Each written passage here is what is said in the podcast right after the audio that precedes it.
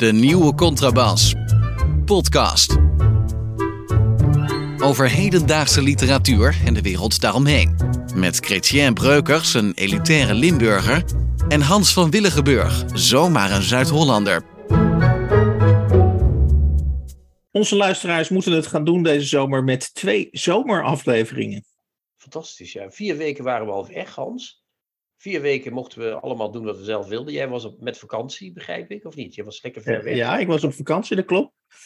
En uh, wil je zeggen waarheen of zeg je nee? Dat is privacy. Nou, de, de, de, de, de socials die ik heb, de, wat, wat als mensen erg geïnteresseerd zijn, uh, ik, wat ik heb willen delen, dat staat op de socials. En het antwoord was uh, Noorwegen. En, en als, we, als we ons even beperken tot de literatuur, wat ik deels ook op de socials heb gedaan, is dat wat mij in Noorwegen heel erg opviel, is dat daar de bibliotheken uh, was werkelijk uh, in, in elk dorp hebben ze daar een prachtige bibliotheek. Uh, die ook nog niet, niet, is, niet is aangetast, zou ik bijna zeggen, door allerlei nieuwe lichters, allerlei trendwoordjes.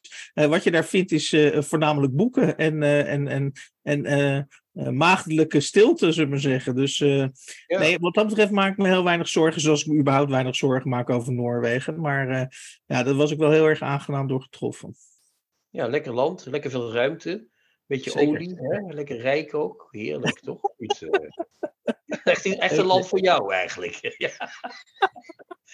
Sander Schimmelpen ja. plus ben je dan ineens. Hè? Dan ben je een verraden haantje. Wordt hij dan, eh, ja. En wat heb jij gedaan als ik vraag mag, Christian? Zeker, ik ben naar Oostende geweest voor de celeb wedding tussen Rob uh, van Essen en Lise Spit. Ja. Met, ik ben een weekend naar Oostende geweest, daar heb ik eraan vastgeplakt. Het was heel mooi, het was een fantastisch feest. Uh, we hebben echt tot diep in de nacht uh, gedanst en uh, gedaan. Met de ja. van de Nederlandse literatuur, mag ik wel zeggen. Het was het boekenbal in het klein. Ja, dus iedereen, maar, maar, iedereen, maar iedereen zei van wat een leuke, wat een leuke podcast maken jullie bij de nieuwe oh, dat, Niet iedereen zei dat, maar er waren genoeg mensen die dat zeiden. En met mensen kennis gemaakt en mensen die nog nooit gesproken hadden, een keer gesproken. dat is één, dat heb ik gedaan. Ik ben mm -hmm. Ga nog een keer naar Antwerpen binnenkort, dus ik ben nog niet echt met vakantie geweest. Um, ik heb heel veel gelezen. Ik heb uh, voor mezelf gelezen, Hans. Ik ben een soort. Uh, ik heb vrij gelezen, zoals vroeger. Ja, want ik volg jou. Ik, bedoel, ik weet niet of je mij volgt, maar ik volg jou ja, zeker, op, ja. op, social media. Dus ik zag dat jij uh, Cartarescu, in ieder geval oh, een, een dikke ja. Cartarescu had gelezen. Nee, daar ben ik mee bezig, moet ik eerlijk okay. zeggen. Want het gaat niet in één avond, zal ik maar zeggen. Okay. Het is een, een, boek van 980 bladzijden, begrijp ik. Ik lees het in, uh, in e-boekvorm. Uh, want ik heb het via dat Kobo-abonnement. Uh, het is 980 bladzijden en ik ben op 60%. Dus reken maar uit. Ik zit op bladzijde 540. Maar het is een hele klim, mag ik wel zeggen. Het is, hij heeft een, uh, een kathedraal geschapen, Hans. Ja, ja, ja, ja, ja. Maar het, komt er dus op neer dat waar ik waar inderdaad zeg maar de afgelopen week heb gebruikt om. Uh, nee, ik heb ook ik heb nog wel heus wel wat gelezen, maar waar ik wel een, echt ben uitgewaaid in Noorwegen, dat jij echt wel plichtsgetrouw in de boeken bent blijven. Uh... Ja, dat sowieso. Dat doe ik altijd. Hè. Dus dat is voor mij geen straf of, of werk. Mm -hmm. maar, maar nu mocht ik alles doen wat ik zelf wilde. Ik ben ook een boek over Jumbo Visma aan het lezen van Nando Boers of broers, dat weet ik eigenlijk niet. Okay. Uh, journalist. Dat, dat heeft weer te maken met een andere hobby van mij, Hans. Ik kijk graag naar de Tour de France, dat weet je misschien. ik ben uh, wel bang dat we het dat nee, hoor, het inspelen van de zomeraflevering dat we een soort, aan een soort bar terecht gekomen zijn. Nee, oké. Okay, nee, ja, ja. Ik vind dat de Tour, de, dat wielrennen en literatuur heel dicht bij elkaar liggen. Oké. Okay, okay, ja. uh, ik heb de renner van uh, Tim Cabea gelezen, prachtig boek. Uh, mm. maar, maar wielrennen heeft ook iets van, uh, van literatuur. Omdat, zal ik dat even kort uitleggen? Ik zal ja, doe maar dan. Ja. Maar wielrennen en literatuur hebben iets met elkaar te maken. Want bij wielrennen is het zo dat je niet altijd ziet wat je denkt te zien. Onder de wedstrijd zit altijd een andere wedstrijd. Oh, ja. mijn, eerste, mijn allereerste herinnering, Hans, aan wielrennen is 1975. Ja, zover gaat dat al terug. Toen keek ik met mijn vader naar het WK in België, in Ivoire. Uh, daar was het WK. Dat won toen Henny Kuiper. Dus ik dacht als tienjarige jongen, wat geweldig, een Nederlander wint het WK wielrennen. Ja. Later las ik in allerlei nabeschouwingen dat niet Kuiper had gewonnen. Natuurlijk had hij wel gewonnen. Maar dat het vooral zo was dat de Belgische ploeg niet wilde werken voor Roger de Vlaming, die ja. tweede werd. Ja. En dus er werd ook een wedstrijd in die wedstrijd. Dus dat ik is snap het. Maar hier worden we het nooit over eens. Want als jij zegt een wedstrijd in een wedstrijd of een wedstrijd onder een wedstrijd. Of, of, of je, je ziet iets anders dan wat er werkelijk gebeurt. Ja, dat geldt. Dat, ja, jij weet dan wel van wielrennen, ik niet. Maar, maar dat geldt natuurlijk. Als ik, als ik dat over tennis zou zeggen, dan kan ik een soortgelijke argumentatie. Ja, ja. Uh, maar het is bij tennis wel zo dat wedstrijden. Je kunt natuurlijk wel wat doen op niveau van beïnvloeding. Maar omdat wielrennen met zo'n grote groep gaat, kun je veel meer tactische lijnen laten lopen door zo'n wedstrijd. Okay. Bij tennissen kun je er maar één laten lopen in één wedstrijd. Ja. En je bent een beetje met dat wielrenstandpunt, heb je een beetje dezelfde lijn als Marcel van Roosmalen. Dat zou ik toch meer Klopt, maar, dus ik ben een goed gezelschap op dat punt. Maar nou, goed. dat weet ik nog niet zo net. Maar ik, ik zie Erik al denken van jongens, wanneer gaan we nou eens vertellen? Nee, dit is juist een leuk onderwerp. Ik vind dit, ik kan hier uren over praten hoor. Ja, ja, dat, ja dat weet ik. Uh, ik ga in ieder geval, alvorens we zo nog een aantal litera literaire, een aantal uh, literaire actuele punten gaan doornemen, ga ik eerst even melden welke boeken we vandaag uh, gaan bespreken in het tweede gedeelte van de podcast. Dat zijn achtereenvolgens Omwegen, een, kleine, een zeer kleine novelle mag ik wel zeggen, van Thomas Heerman, Heerma van Vos. En uh, Gerbrand Bakker uh, in de prachtige, prestigieuze privédomeinserie. Uh, zijn derde boek in die serie, Moeder na Vader.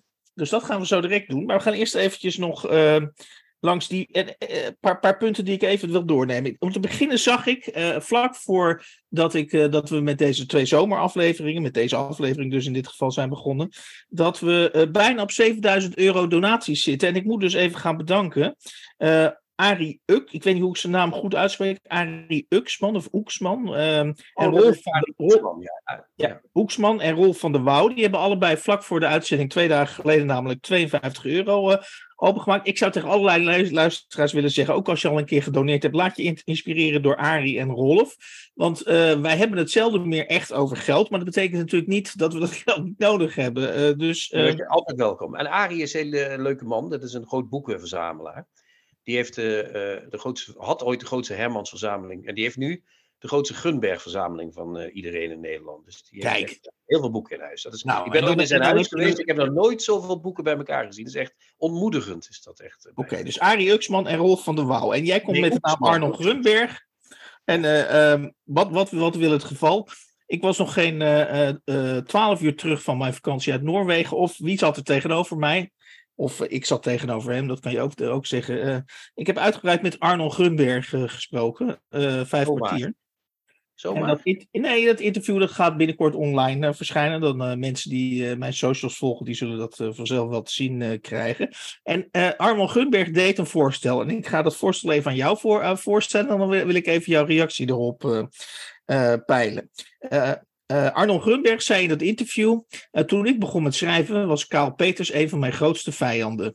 En nu is hij uh, een van mijn grootste vrienden geworden. Wat is de reden daarvoor? Zei hij: Onderweg tijdens mijn schrijverscarrière is, het, is, is, is hij letterlijk: is, het, is, is de literaire autoriteit dusdanig in, in, ja, hoe zeggen, in verval geraakt.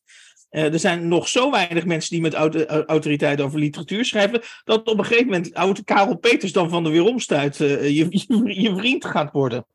En toen zei hij, uh, want ik, hij vindt dus oprecht dat er te weinig mensen zijn, goede, ook jong, goede jonge mensen zijn die over literatuur schrijven. Hij zegt, ik vind dat er een prijs moet komen voor de beste literaire criticus. En toen dacht ik nog bij mezelf, wil je daar een jaarlijks prijs voor maken? Dat lijkt me een beetje veel, maar je kunt daar bijvoorbeeld... Ja, na vier jaar klaar, zeg maar, ja. Dan kan het om de vier jaar naar dezelfde. Maar je, kunt er, maar je kunt er natuurlijk wel een twee- of driejaarlijks prijs uh, van maken. En, en, en hij stelde ook voor om daar dan een beetje niet, niet te zuinig mee te doen. Omdat diegene moet natuurlijk wel uh, echt in het zonnetje worden gezet. Dus ik vond dat uh, een, een opmerkelijk voorstel in ieder geval. Ja, ik vind het ook een opmerkelijk voorstel. En ik ben weer ik wil niet de zure aap in de, in de, in de, in de dierentuin. Ja, dat ben je toch al, dat maakt niet uit. Oh, dank je. Bedankt voor, deze, voor dit fijne compliment. Maar die, die, die, uh, ja, waarom een prijs? Zorg er eerst eens voor dat er betere critici zijn. Denk je niet? Ja, of waardeer ze misschien beter per recensie ook. Ja, ja voor, zorg ervoor dat die mensen iets kunnen schrijven. En, en, en nodig niet alleen maar mensen uit van wie je toch weet dat ze altijd hetzelfde schrijven. Zorg eens mm -hmm. even voor wat meer stemmen. En dan kun je dat een prijs gaan geven. Ja, ik zou zelf ook willen voorstellen. Maar dat heeft feit dat Karel Peters nog steeds, weliswaar online, voor Vrij Nederland schrijft. Op zijn dik in de 80, 80 geloof ik nu inmiddels. Mm -hmm. Zegt ook iets over, over hoe dat gaat. Dat, dat was toch een jaar of 20, 30 geleden ondenkbaar dat iemand van 80 nog steeds uh, op diezelfde plek rond probeerde te hangen.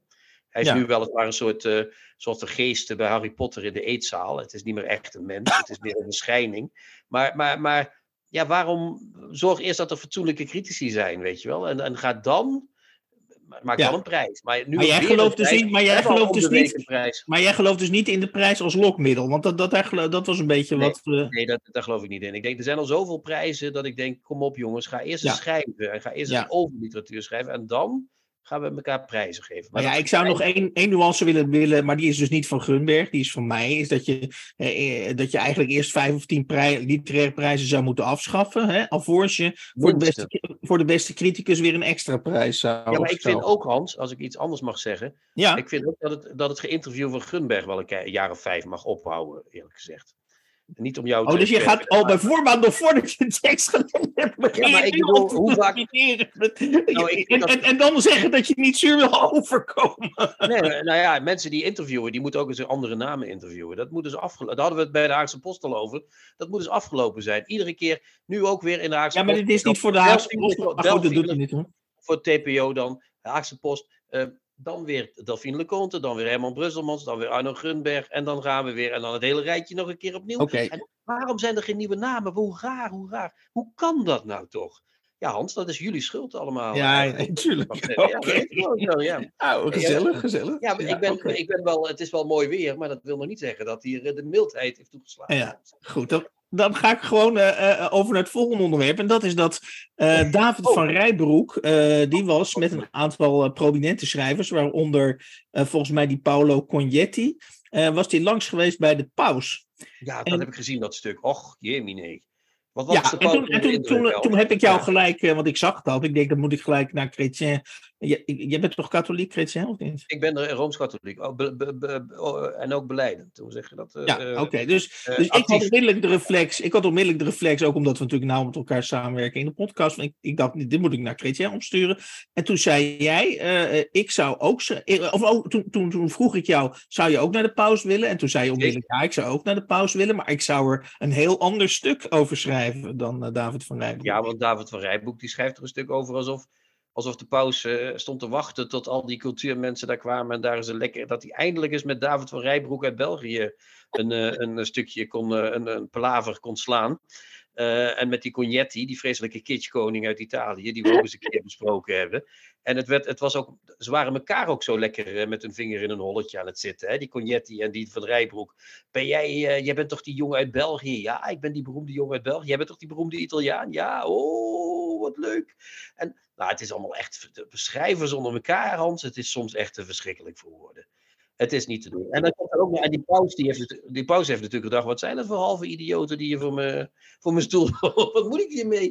Ze zijn te oud om te misbruiken. Dat ah, kan het niet zijn. en ze zijn maar tot zover de sfeer, de interactie tussen de schrijvers. Maar jij zei, ik, ik zou er iets heel anders over schrijven. Ja, ik, zou, ik, zou, ik zou schrijven over, kijk, als je naar de paus gaat, Hans, op audiëntie, dan kom je in recht, oog in oog te staan met de, met de plaatsvervanger van Jezus Christus op aarde. Dat is toch mm niet gering ambt, zou je zeggen. Hè? En uh, dat, dat moet niet worden besmet door allerlei politieke flauwekul en beladenheid. Dat is een mystiek moment, is dat. Dat is een moment waarin je diepste uh, uh, gevoelens kunnen opborrelen in het gezicht van iemand die zo, zo belangrijk is en die zo ver is gekomen in de theologische boom, dat je daar dat het daar een zekere mate van ontzag en ontroering op zijn plaats zouden zijn. Een zekere okay. bevlogenheid ook, bevangenheid. En waarom moet dat allemaal weer meteen met. Uh, kijk, die van Rijbroek is al tegen het af. Die vindt eigenlijk dat mensen niet meer mogen stemmen, behalve als ze stemmen wat hij stemt. Hè? Dat is een van mhm. zijn uh, vaste. Maar waarom moet zo'n jongen naar de paus? Wat moet hij de paus vertellen? Wat, is daar, wat gebeurt daar? Wat is daar aan de hand? Ik bedoel, jij vindt dat je, dat je zelf meer, meer misschien geschikt bent om naar de paus te gaan? Nee, ik ben niet meer geschikt, maar ik zou het meer als katholiek doen en niet als uh, geëngageerde uh, ja. mispunt. Maar wat zegt het eh, over de paus misschien, dat dat wel David van Rijnbroek en, en, en, mensen worden niet door de paus... Die allemaal langs die... komen en jij niet? Nee, die worden natuurlijk niet door de paus zelf. Denk, denk je nou echt dat de paus zelf s'avonds in zijn, in zijn kamertje in Rome, in de Vaticaanstad zit en zegt... Wie zullen we uit België eens uitnodigen? Even kijken, ik ga eens internetten, Belgische schrijvers. Nee, natuurlijk niet. Die heeft daar een of andere. Hè, hè, Hans, doe niet zo raar. Zelfs Grunberg heeft dan een secretaris. Wat denk je dat de paus heeft? Die heeft een heel. Uh, maar, krijgt hij, maar hij kan toch nee zeggen tegen zijn adviseurs? Kom op, hij kan toch zeggen. Uh, wat, heb, ik, daar, wat heb ik aan die schrijvers? Uh, paus krijgt een brief, ja, de paus krijgt ochtends een briefje van 11 uur tot 11 uur 15, 26 schrijvers. Van 12 uur tot 12 uur 30, 34 nonnen uit Colombia. Die, okay. die, kan hem dat schelen allemaal? Nee, ja. nee Nederlandse schrijvers moeten niet. Nederlandstalige schrijvers die die zo zichzelf belangrijk vinden, moeten niet naar de hoogste uh, ambtsdrager van de kerk gaan. Dat ben ik. Oké, oké. Zullen we nog één onderwerpje doen of, of zullen we afsluiten?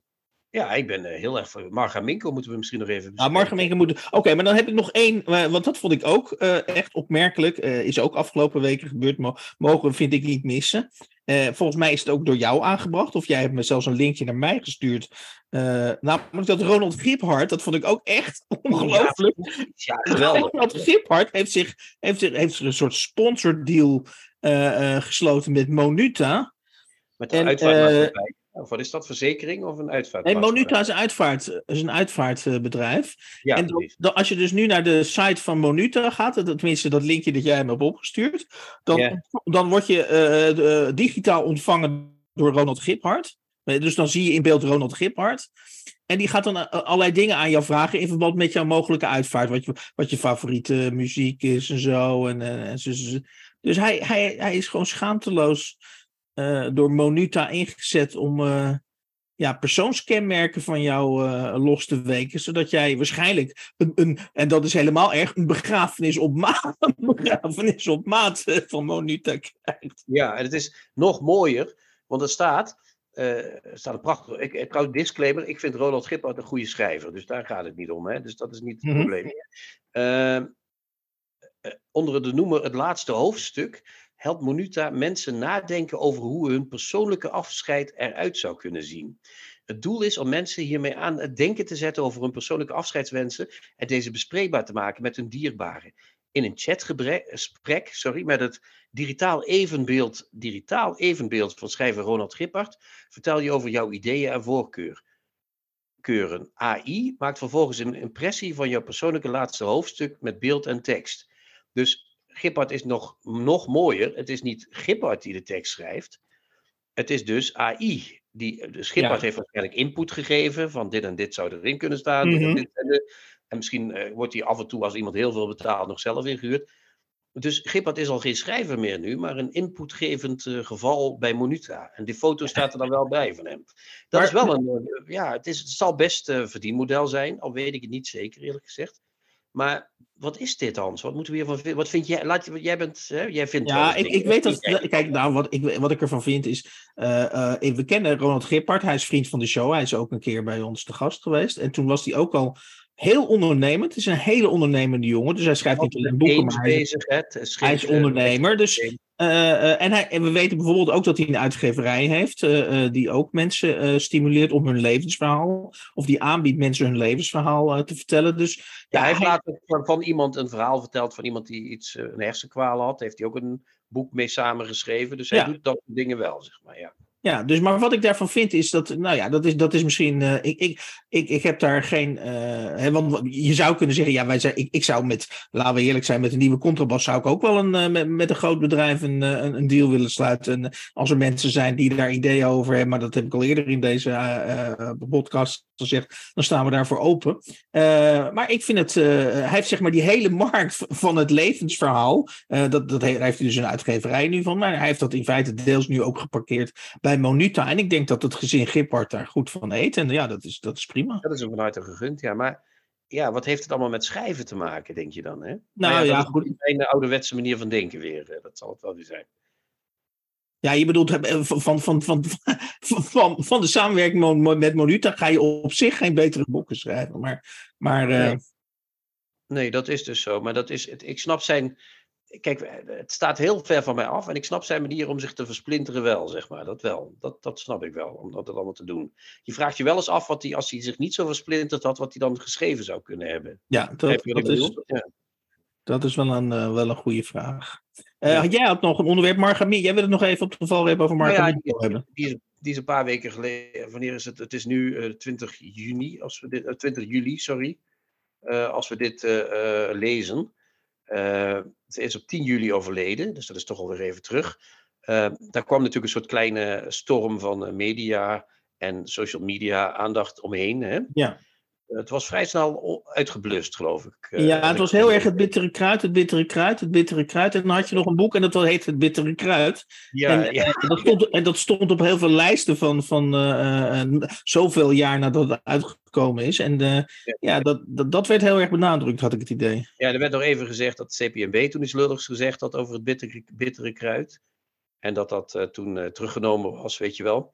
Uh, bitter, het was inderdaad het, het, fascinerende van zo'n schrijver als Minko, vind ik. Dat dat zo iemand is die ons hele levende lezen, lezende, lezende leven, ja. ja. Precies andersom, excuseer. Dat is heel, die is daar altijd aanwezig geweest, altijd. Uh, met het bittere kruid ook inderdaad, want geef toe, ik heb ook maar een paar andere verhalen van haar gelezen. Ja, ja nee, dat klopt. Uh, ze is altijd een beroemde schrijver geweest. En toch was het altijd zo als hij een prijs kreeg. Ze kreeg ook de PC Hoofdprijs in 2019. Hè? En toen was ze dus, als ik het goed zie, toch ook al behoorlijk op leeftijd. Ja, het was dus 99, dus ja. Ja, dus dat was niet zeg maar op je 70ste of, uh, of zo. Um, dus het is net alsof het, als ze een prijs kreeg, dacht je altijd: oh ja, Margaminko, weet je wel, die was er ook nog. Ja. Weet je, snap je wat ik bedoel? Het is zo raar dat zo'n schrijver die toch met dat boek, alweer, Het Bittere Kruid, door de hele wereld vertaald was en overal geprezen dat er in Nederland toch altijd zo'n beetje zo'n sluimerende aanwezigheid. Ja, maar als we, als we dan nog een puntige conclusie willen, willen trekken over Marga. Ja, niet dat dit niet puntig is, maar oké, ik, ik probeer nog iets beters te verzinnen. Is dat uh, uh, um, waar we natuurlijk zelf gek worden van de schrijvers die hele dikke pillen afscheiden. Ik, ik zag nu weer dat Bart Chabot, die heeft weer een hele dikke pil uh, over zijn eigen leven af, afgescheiden. En, en, dat heeft hij er volgens mij zijn het er al drie of vier, dus dat zijn al zo'n 2000 pagina's. Er ging er nog één komen, hè? Er, kwam, er was een trilogie, maar er nou kwam ja, weet ik, dat weet ik niet. Maar, maar dat Marga Minko dus met een heel klein boekje eigenlijk erin is geslaagd. Als, als, uh, om, om, om voortdurend, of misschien wel 40, 50 jaar aanwezig te zijn en te blijven in de Nederlandse literatuur. En dat het dus ook, uh, misschien zouden we dat, en uh, ik, ik weet dat een heel aantal schrijvers luisteren. Arno Grimberg kan ik je trouwens melden, die kende de podcast ook. Um, hoe heet het? dat het misschien aardig is om naar schrijvers te communiceren. Probeer eens een bittere, of, bittere kruid te schrijven. Ja, dat zou ik ook wel willen. Het, want want dat, dan, dan, dat kan je in theorie in een jaar of misschien een half jaar doen en dan is je kostje gekocht. Gewoon. Ja, maar dat is het niet alleen. Want wat zij ook gedaan heeft, en dat is misschien de conclusie waar we naartoe moeten. In, in haar rouwadvertentie stond een prachtige, dat had ze prachtig opgebouwd. Daar had ze al haar familieleden die vermoord zijn in, in kampen, had ze opgenomen met de -hmm. jaartallen. En dat was eigenlijk haar hele oeuvre in samenvatting. Want wat ze gedaan heeft in die paar boekjes, is die familieleden vasthouden, terugbrengen, Mhm. opschrijven. Uh, ze kreeg haar spullen niet terug, uh, ze kreeg haar familieleden niet terug, ze heeft toch door moeten leven. En wat ze in haar werk deed, in een paar dus heel pregnante boeken, deed ze ook in die rouwadvertentie. Daar zetten ze weer die mensen neer met die jaartallen. Dus ze was 103, enorm lang heeft ze het overleefd allemaal. Ja. En toch wist ze daar nog die familie in te brengen. Dat vond ik eerlijk gezegd een heel ontroerend uh, moment. Maar is dat een oproep om mensen hun, om schrijvers hun familie uh, te documenteren? Of, uh... Nee, dat is, een op, dat, is, dat is niet een oproep tot iets, maar dat zegt dat zij dat oeuvre, dat het A, dat het oeuvre dus heel oprecht was. Mhm. En B, dat ze dat tot het einde toe volhoudt. Dat ze zelfs nog in haar rouwadvertentie in dezelfde lijn doorschrijft. Dat iemand voor iemand van 103 toch nog vrij vief en uh, goed Mhm. allemaal. Dus dat is, het is heel coherent en samenhangend. Dat is wat ik zeg eigenlijk. Ja. Okay. en dat vind ik toch mooi dat er zo'n schrijver is, uh, is geweest in dit geval. Tips van de week. Boeken, artikelen of pamfletten die boven het maaiveld uitsteken. Zoals we in het begin van de podcast hebben gemeld, gaan we twee boeken eh, bespreken. Waarvan de eerste uh, de novelle is Omwegen. Uh, met als ondertitel Een wandeling van Thomas Heerma van Vos. En voor de mensen die dit boek uh, uh, nog niet helemaal niet kennen, en dat is neem ik aan de meerderheid. het, is niet alleen, het is in twee opzichten een klein boekje. Het is niet alleen een dun boekje van, even kijken hoeveel pagina's, van 66 pagina's. Maar het is ook nog een heel klein boekje. Dus, dus ik denk dat het bij elkaar zo'n, ik schat zo tussen de 8 en 10.000 woorden. Nee, het is wel iets meer, denk ik. Tussen de, tussen de 10.000 en 15.000 woorden is. Ja, en het is ook klein van formaat. Je kunt het lekker in de, in de binnenzak. Dat zeg ik, het is klein van formaat. Ja. Oh, sorry, ja. Omdat je over het aantal woorden had. En het is op, opgenomen in de reeks wandelboeken van Van Oorschot terloops ja. geheten. Ja. Allemaal hetzelfde formaat. Heel leuk. Ja. ja. Ik zal proberen even heel kort, uh, maar dat is in dit geval niet zo heel moeilijk, uh, uh, de inhoud te beschrijven. Namelijk, de hoofdpersoon is Thomas Heerma van Vos. daar doet hij verder ook geloof ik niet moeilijk over. En die gaat op wandelvakantie met de, de familie van zijn vriendin in de Ardennen. En ja was het, want ik heb dit boek een paar weken geleden gelezen. Ik heb aantekeningen gemaakt, maar ik maak je geen zorgen. Maar is het nou vanaf het begin al duidelijk uh, dat het zijn ex-vriendin is? Of, uh, want ik weet inmiddels natuurlijk dat het zijn ex-vriendin is, dus het is een soort terugblik. Of uh, is dat ja, informatie die in, in, in, het boek zit? Ja, het is vanaf het begin duidelijk, want de eerste zin, Hans, is vlak voor mijn vriendin besloten dat ze niet langer mijn vriendin was. Oh ja, precies. Ging met haar familie een week wandelen in de Ardennen. Dus je krijgt eigenlijk meteen Ja. De, de, plot wordt meteen onthuld, eh, zal ik maar zeggen. ja, dat weten we dan alvast. Ja, maar dat is dus heel, uiteindelijk natuurlijk heel strategisch. Want we, we gaan dan natuurlijk als lezer zitten wachten op hoe het misgaat, inderdaad. Ja, nou, dat, dat, en dat is uh, de, de, de, de, het raamwerk van de novelle, of zoals jij dat noemt, dus van het verhaal is uh, die wandeling, toch? Dat is een wandeling. Ja, die wand, nou, het is niet één wandeling, want het, zijn wand, het is een wandelvakantie. Want uh, ja, ja, hij, hij, is niet al, hij is niet alleen bij die familie uh, één dag of één wandeling. Nee, ze, ze hebben een hele wandelvakantie uitgestippeld. Want uh, dat blijkt, in dat, dat is natuurlijk een van de centrale thema's in deze novelle, is namelijk dat die familie niet zomaar uit wandelen gaat. Nee, die, dat wandelen, dat is echt, dat is, dat is een beetje het summum van het, familie, van het familiaire gevoel wat ze, onderling, ja. wat ze onderling hebben. En hij, en dat is ook, dat is natuurlijk de hele tijd ook de grap in het boek, hij hangt daar een beetje bij. Ja, de, als het ergens over gaat, dit boek, dan gaat het over de hoofdpersoon, Thomas Heerma van Vos, die opgenomen is, wil worden, op zich wel opgenomen wil worden in zijn schoonfamilie. En aan mhm. de andere kant ook altijd een eeuwig de buitenstaander blijft. Die denkt van ja, uh, die, die zich ook een klein beetje ergert soms aan dat uh, demonstratieve gedoe dat, uh, dat sportieve en uh, elkaar maar de hele tijd met maaltijden. Nou, ik denk dat dat een understatement is, dat, dat ik zich daar een beetje aan ergert. Maar oké, okay, ja, ja, ja, ja. Die niet zozeer ergert, maar hij, hoort er, hij, wil er ook, hij wil erbij horen, maar tegelijkertijd denkt hij: nee, zo wil ik niet zijn. Dit kan ik niet, uh, dit bedraag ik niet, dit, dit gaat niet lukken. Ehm, het is een beetje de eeuwige buitenstaander die hij portretteert hier, toch? Zeker, dat is zeker, wat zeker. hij hier zegt. En dat doet hij, wat mij betreft, op een hele prettige manier. een mooie stijl, vind ik dat hij heeft. We zeker, hebben al eerder zeker verhalenbundel van hem besproken. Hè? Ja. Uh, ja, dat is weer mijn, uh, mijn slechte titelkennis, die ik altijd het, hoe heet dat ook alweer, dat boek, dat dubbele, zo'n mooie dubbele titel. Passa oh ja, passagiers achterblijvers. Nou, dat, daar zat het al in de titel, hè, dat, passagiers en achterblijvers. dat zit hier ook in de titel, opwegen. Hè? Dat is, het is een omweg. Het is voor hem een omweg. Ja een omweg naar? Ja, waarschijnlijk naar het einde van zijn relatie, denk ik.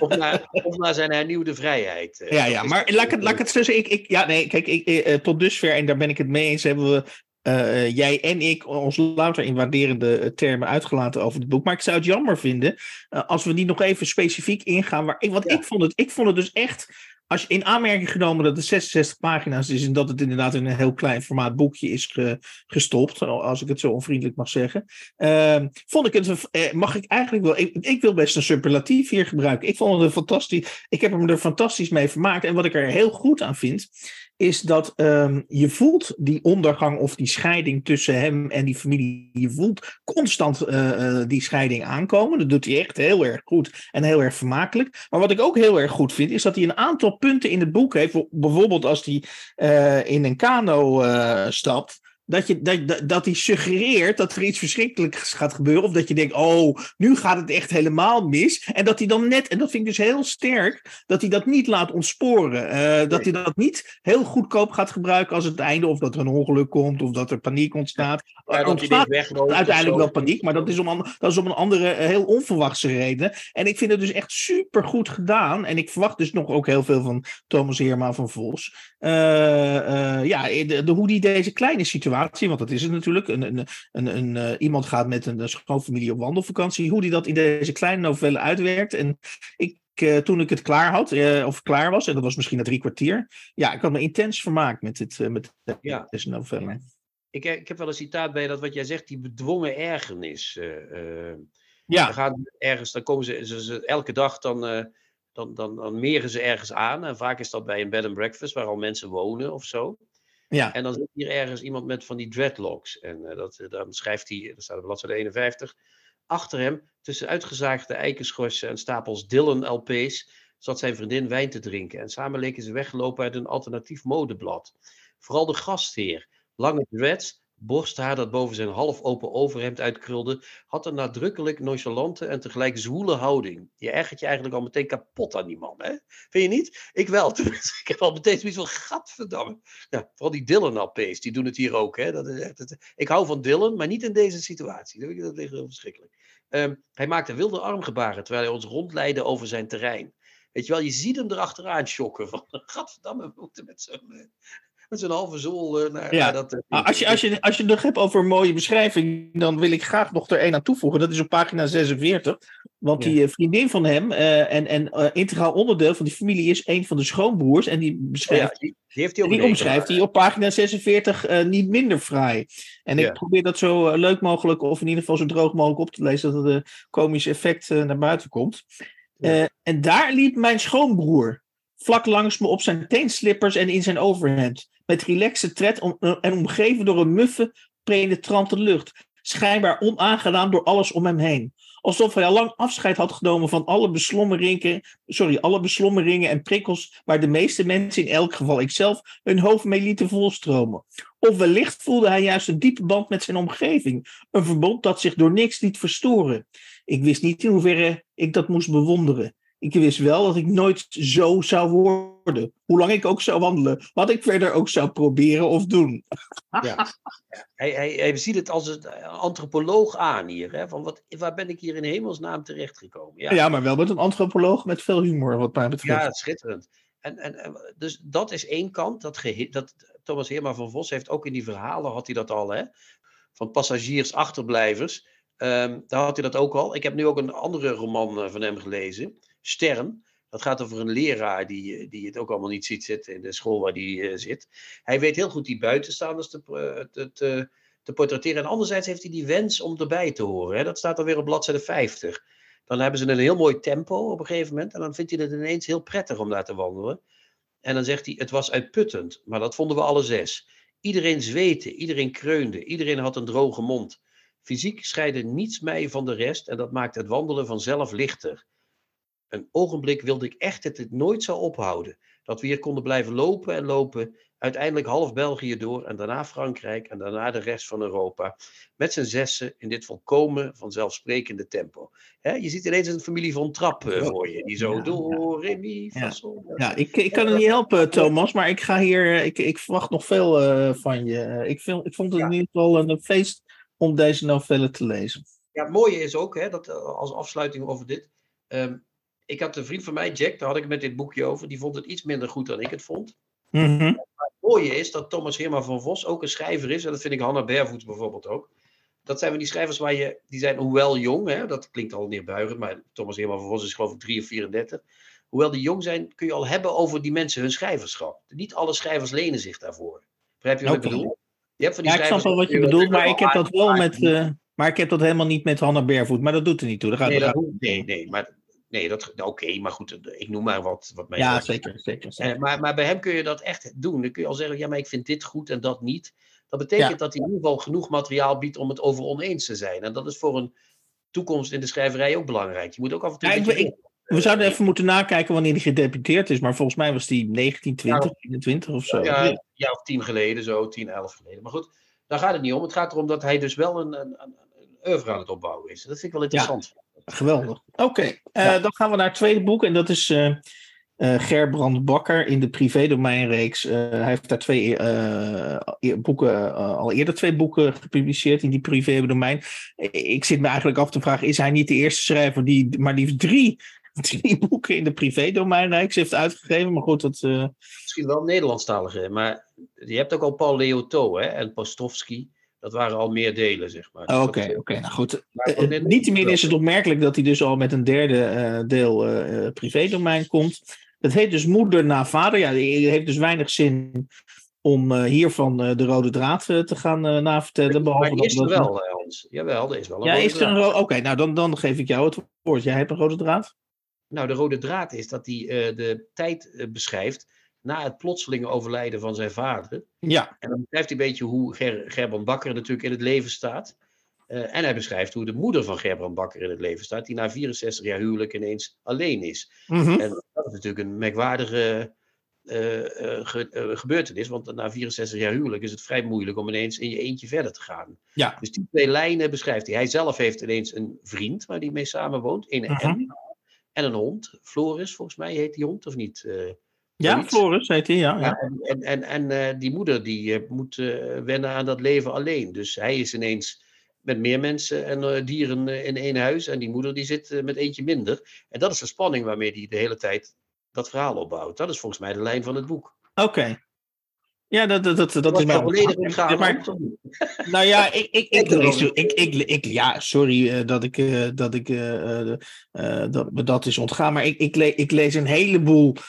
Eh, eh, nou goed, daar, daar komen ze o- over allerlei banaliteiten over het leven. Nou weet, nou weet ik wel dat je ook, ook als Nou, lezer even door die banaliteit. Ik snap heus wel, je moet door die banaliteiten eventjes heen lezen. En dan eh, heb ik heus eh, in dit geval, want ik, ik was de vorige keer erg kritisch op eh, de roman De Kapperszoon, weet ik wel, van Gerbrand Bakker. Eh, eh, de, eh, en ik ben eigenlijk, ik wil niet zeggen dat ik, ja, ik, ik ben wel degelijk positiever over, over dit boek van hem. Maar ja, af en toe dan weet hij, en, en, en dat, heeft, dat heeft met mij te maken, dat ligt niet aan jou, Gerbrand Bakker. Maar ja, dan begin je, begin je echt zo lang door te gaan op details, dat ik denk, moet, waarom moet dat er in godsnaam allemaal in? Nou, wa- waarom moet dat er niet in? Dat is de betere vraag. Wat noemen ze een detail wat erin zit wat er uit had gekund? Eh, nou, op een gegeven moment. eh, dan, dan beschrijft hij volgens mij de buurt eh, eh, in Amsterdam. maar Want hij heeft ook nog volgens mij een soort pied-à-terre in Amsterdam. Zeker, ja, ja. En dan, gaat Ja, hij, eh, dan, dan, zegt, dan zegt hij tussen aan. Ja, dat was nog trouwens het oude Tweede Kamerlid Gonnie van Oudenallen. eh, komt hij op een gegeven moment mee. Dat ik denk. eh, maar het gaat er toch niet om dat jij in een buurt woont eh, waar ook andere, of, of waar mensen met bepaalde functies uit de Tweede Kamer. eh, eh, ja, dat, dat, nou, dat is dus typisch een voorbeeld dat ik denk, ja, laat gaan die, die Gonnie van Oudenallen. Dat voorbeeld snap ik niet, want hij komt iemand tegen op straat en dat blijkt dan die Gonnie van Oudenallen te zijn. Wij weten nog wie dat is, namelijk een soort totaal... Oh ja, wij wel, ja, precies. Iemand die met wart, van wartaal aan elkaar hangt. Maar het is een detail in het. eh, hij noemt ook steeds eh, door het hele boek heen mensen die sterven op dat moment. Hè? Dat, die en die is dood, Rinus van Mhm. Ferdinand is dood. eh, weet ik veel, er komen allerlei mensen langs die gestorven zijn. Ehm, dus Nou, zijn ik, ik, kan het, ik kan trouwens wel nog concreter antwoorden geven op jouw vraag. Hè, want ik vind dus Ja, die oké. Gonnie van Oudenallen, vind ik al... maar op pagina 72 komen we de onsterfelijke zin tegen. Gisteren was het zondag, vandaag is het maandag. Ja, dat is toch. Ja, dat, als je daar niet van. Ja, jij houdt er blijkbaar niet van, maar dat is toch een hele droge zin, of niet? Dat zegt ook van. Nou, de tijd. Ja, wat eh, zegt dat? Wat zegt dat? De tijd sukkelt langzaam voort, zegt dat. eh, dat dat Oh. zegt dat volgens mij. Maar dan gaan we nu inderdaad iets doen waar op zich wel wat voor te zeggen is, namelijk op zinsniveau iemand eh, proberen de, de, de put in te sleuren. Maar ik vind toch, ik, ik, ik heb toch. Ja, maar dat, even voor de duidelijkheid. Dat doe jij, de- die, sport, die sport, die, die beoefen jij ook, hè? Zeker, en ik heb het eh, toen laatst ook eens een keer nog met veel verven gedaan, maar toen heb ik ook nog de hele teneur en de strekking van een boek eh, erbij eh, betrokken. Maar wat mij hier, ik denk dat het iets anders. Ik heb daar de laatste week over nagedacht, Hans. Ik had toch de tijd, je was weg, dus ik kon Ja, ja, ja. ja. We hebben het eerder gehad met die musea, dat jij zei, nou, dat vind ik uitkeringsproza. Dat vond ik toen ook een beetje grof, maar goed. Dat vind ik fantastisch. Ik vind dat echt, ik lees dat, ik lees dat als dat uitkomt dat ik, meteen, dat en ik. vind dat meteen briljant. Eh, ik vind die boeken van Gerbrand, ook eh, de kappers, eh, de, wat was het ook alweer? De kapperszoon. de kapperszoon. ik, ik, ik hou ervan, omdat ik van zijn stijl hou. Hier in dit boek zie ik ook weer iemand terug, die net als in die Jasper en zijn knecht en in Knecht alleen, dus die twee Ja. vorige delen, die Ja, Bakker is iemand die moet echt vat op zijn eigen leven zien te krijgen. Dat doet hij in die boeken. Hè? Hij krijgt een soort vat op zijn eigen. Dat doet hij Mhm. met, met de beschrijving van die dood van zijn vader en de nasleep daarvan, zijn nieuwe relatie, zijn leven in de Eifel en de Amsterdam. Je kunt zeggen, wat een hoop gekeutel, maar die details die zijn ook nodig omdat hij vat moet krijgen op dat geheel. Hij is Ja. zelf eh, in zijn boeken iemand die door die verhalen heel erg zijn positie probeert te bepalen. Hij kan zich ook lekker druk maken over dingen. Als iets bijna fout gaat, als hij, dus, hij kan zich ook bijvoorbeeld, dat vind ik ook wel mooi. Kijk, hij is niet zo onbescheiden. Nou, als je het over druk maken, hij maakt zich op een gegeven moment druk tot mij. En dat wekt dus mijn irritatie op. Uh, dat hij wordt, uh, zit hij eindeloos. Dat hij, hij gaat uitgenodigd worden door het praatprogramma M. En dan is het bijna zover. En dan, dan, dan, dan, dan is het weer bijna niet zover. En dan komt hij er uiteindelijk niet in de uitzending. En dan gaat hij naar de uitzending kijken. En dan gaat hij zeggen of die, die personages die daar zitten, in plaats van dat hij er zit, of die eigenlijk wel sterk genoeg zijn. En of die wel genoeg te zeggen hebben. En of hij niet beter in de uitzending had gekund dan die mensen die er zitten. Ja, dan kun je eindeloos eindeloos over doorzeuren. Ja, maar dat, dat lees ik dan graag, want ik zou dat zelf ook hebben. Als ik net niet was uitgenodigd, zou ik ook gaan zitten denken van, uh, nou, die figuur die nu zit, die is toch een stuk minder welbespraakt dan ik ben. Wat ik wilde zeggen net, was, hoewel uh, uh, Bakker natuurlijk niet zo onbescheiden is als Tommy of Ilja, Hè, dat zijn de twee. Uh, dat, dat, qua, nou, maar hij heeft internationaal grote prijzen gewonnen. Dus, dat uh, wou ik zeggen. Hij, hij, hij, heeft, hij weet heel goed wat hij waard is. En dat vind ik mooi. Ook, ook wordt hij op een gegeven moment. Uh, maar anderzijds is hij ook wel niet te beroerd om op te draven. Want hij wordt ook eens een keer bijna niet uitgenodigd op, uh, op, uh, bij Brommer aan Zee. En dat vindt hij eigenlijk ook een paar bladzijden lang een beetje vervelend. Tot hij een berichtje krijgt, wil je alsnog naar Brommer op Zee? En dan zegt hij, vind ik ook mooi, ondanks zijn internationale successen enzovoort. En de Duitse televisie loopt zijn huisje in de Eifel bijna omver. Uh, hè? Die komen om de havenklap op bezoek. Dan zegt hij toch, ja natuurlijk wil ik komen. Dus met andere woorden, enerzijds weet hij goed wat hij waard is. Anderzijds is hij ook niet te beroerd om zich te schikken. Dus ja, het heeft maar waarom moet ik, waarom, ook, waarom ben jij, Chrétien, waarom ben jij, ik bedoel, ik hoor het allemaal aan en ik denk dat je, ik bedoel, wat je zegt, dat klopt op zich, maar waar moet ik het daarom, is het, een, is het om mij te overtuigen dat het echt heel goed is of zo? Of, of... Nee, dat is, ik kan jou daar niet in overtuigen, omdat ik denk dat het, uh, ja, dat is, dat is net als met Misé of laatst dat boek van die kok over die kok, hè. Waar, mm -hmm. waar jij zei dat is om het uh, neoliberalisme te, aan te tonen. Daar vond ik dan weer niks aan. Dat vond ik een gekabbel van hier tot Tokio. Of, of, of als we het over waterdrinker hebben. We komen niet tot elkaar, omdat het, het heeft een andere houding in de literatuur uh, als grondslag, denk ik eerlijk gezegd. Nou, maar kijk, ik, ik lees heel graag. Ook... Nou, dan moet je me niet meer. Ik lees heel graag over, over mm -hmm. een, een, een, schrijver die zichzelf.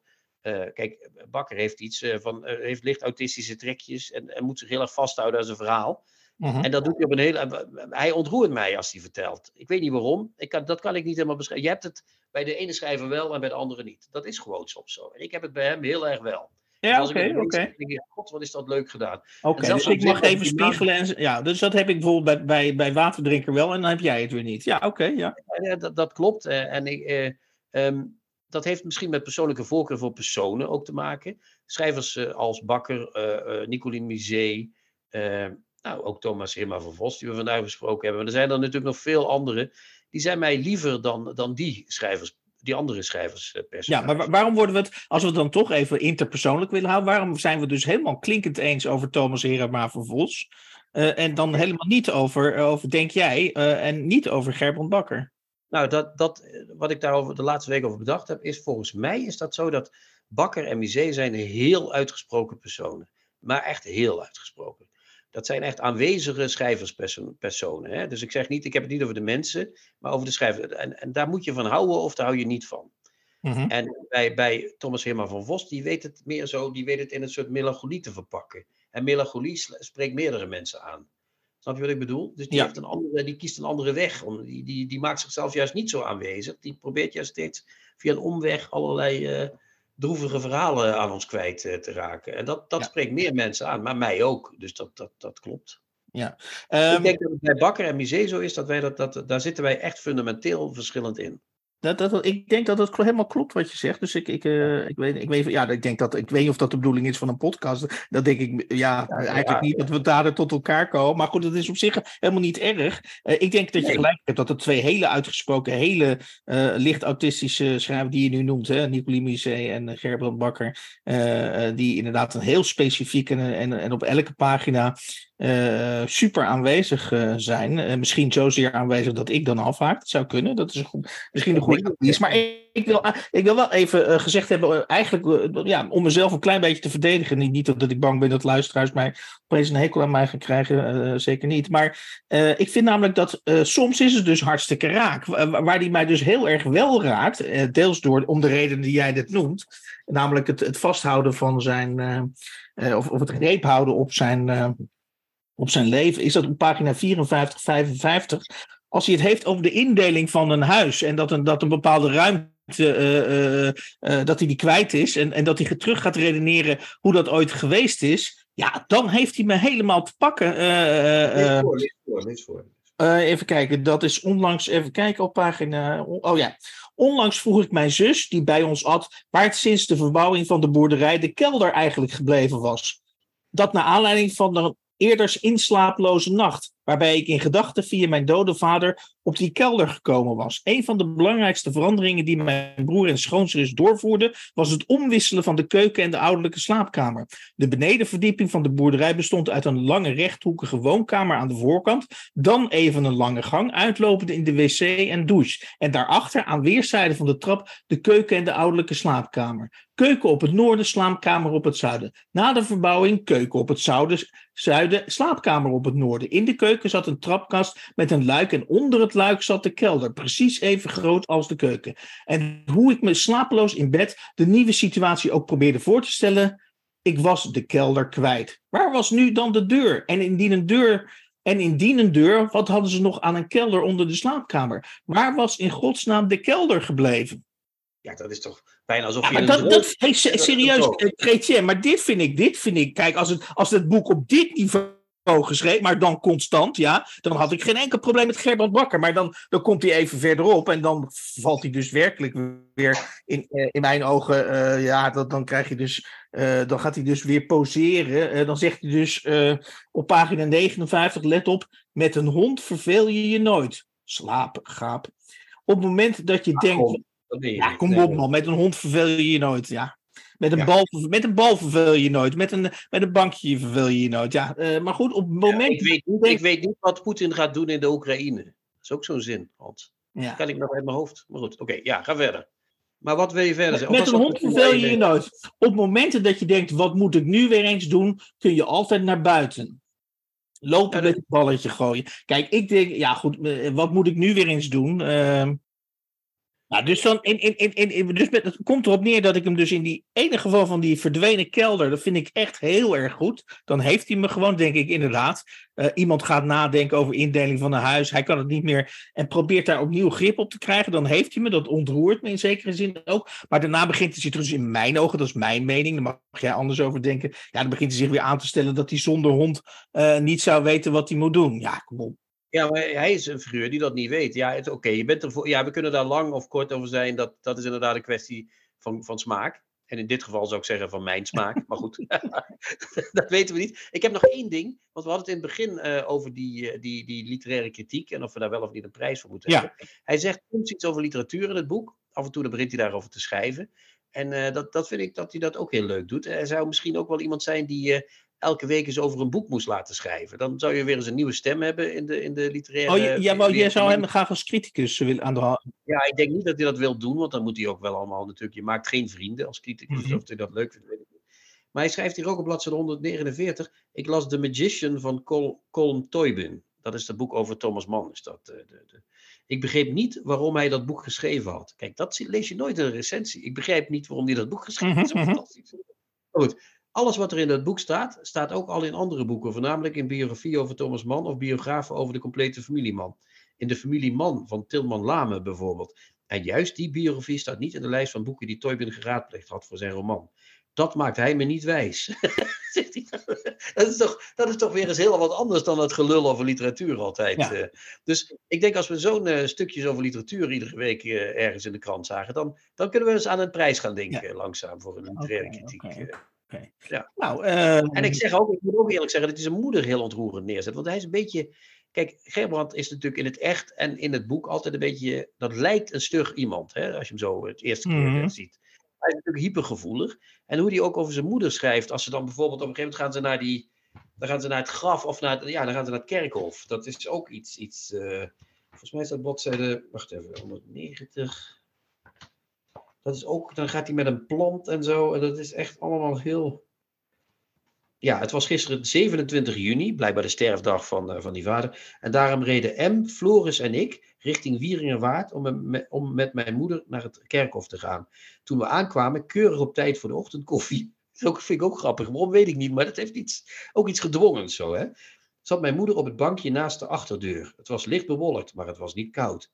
We gaan binnen zitten, zei mijn moeder. Waarom? vroeg ik. Het is prachtig weer. Ik vind het koud.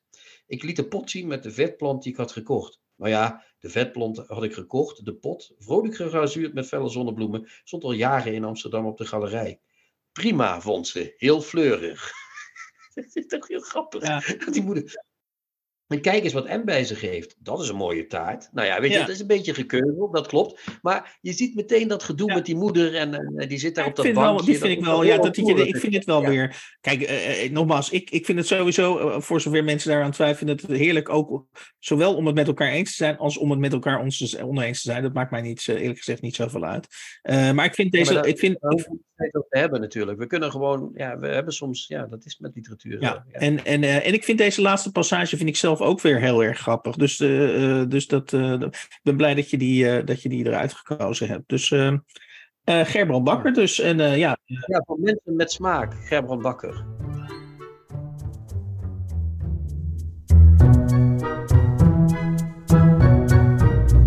De nieuwe Contrabas. Podcast. In de 106e aflevering, de eerste zomeraflevering. Uh, volgende week komt dus de tweede zomeraflevering. En dan gaan we weer even pauzeren. Uh, bespraken wij achtereenvolgens Thomas Heerma van Vos. Uh, met zijn kleine novelle Omwegen. Een wandeling verschenen dit jaar bij uitgeverij Van Oorschot. En daarna bespraken we Gerbrand Bakker in de privédomeinreeks met zijn derde deel in die privédomeinreeks, onlangs verschenen in 2023 dus moeder na vader. En zoals u weet wordt de privédomeinreeks uitgegeven bij de Arbeiderspers. Het is eigenlijk een beetje een waardeloze zomer tot nu toe, vind je niet? Qua weer dan, hè? Uh, ja, ik ben dus deels in Noorwegen geweest, dus uh, daar was het fantastisch weer. En ook vooral oh, niet ja. warm. En ik heb begrepen in ieder geval dat het hier heel erg warm is geweest. Ja, maar daarna werd het gewoon weer 20 graden met van die uh, om de twee dagen regen, zeg maar. Dus dat la, laat ik de vraag omdraaien dan. Wat verlang jij van een zomer wat je, wat je nu nog niet gekregen hebt? Nou, ik verlang, verlang, eigenlijk van mei tot en met oktober dat het ongeveer 27 graden is. Maar ja, zonder regen. Maar dat kan niet, denk ik. Dat duurt nog een paar jaar voordat het zover is. Uh, daar zal eerst Frans Timmermans premier voor moeten worden voordat dat zover is. Hij is gevallen. De naam is gevallen. De naam is gevallen. Het mooie is ook dat iedereen zegt dat hij bereid is om uit Brussel te komen. Dat vind ik ook prachtig dat zegt al iets over de statuur van die man. dat, hij, misschien wil hij wel uit Brussel komen. Als, die, eh, als, die, als, als ze hem heel netjes vragen, wil hij heel misschien uit Brussel komen. Fantastisch. Hè? Ja. ja, ik ben niet trots om een Limburger te zijn als ik dat hoor, Hans. Kan ik je wel vertellen. Oh, en, je verheugt, en je verheugt je vast ook niet op de memoires die hij dan daarna gaat, nog gaat schrijven. Nou goed, nee, ik denk dat dat net als bij lunch wordt. Beroemde mensen die mij gekend hebben. Dat wordt zoiets.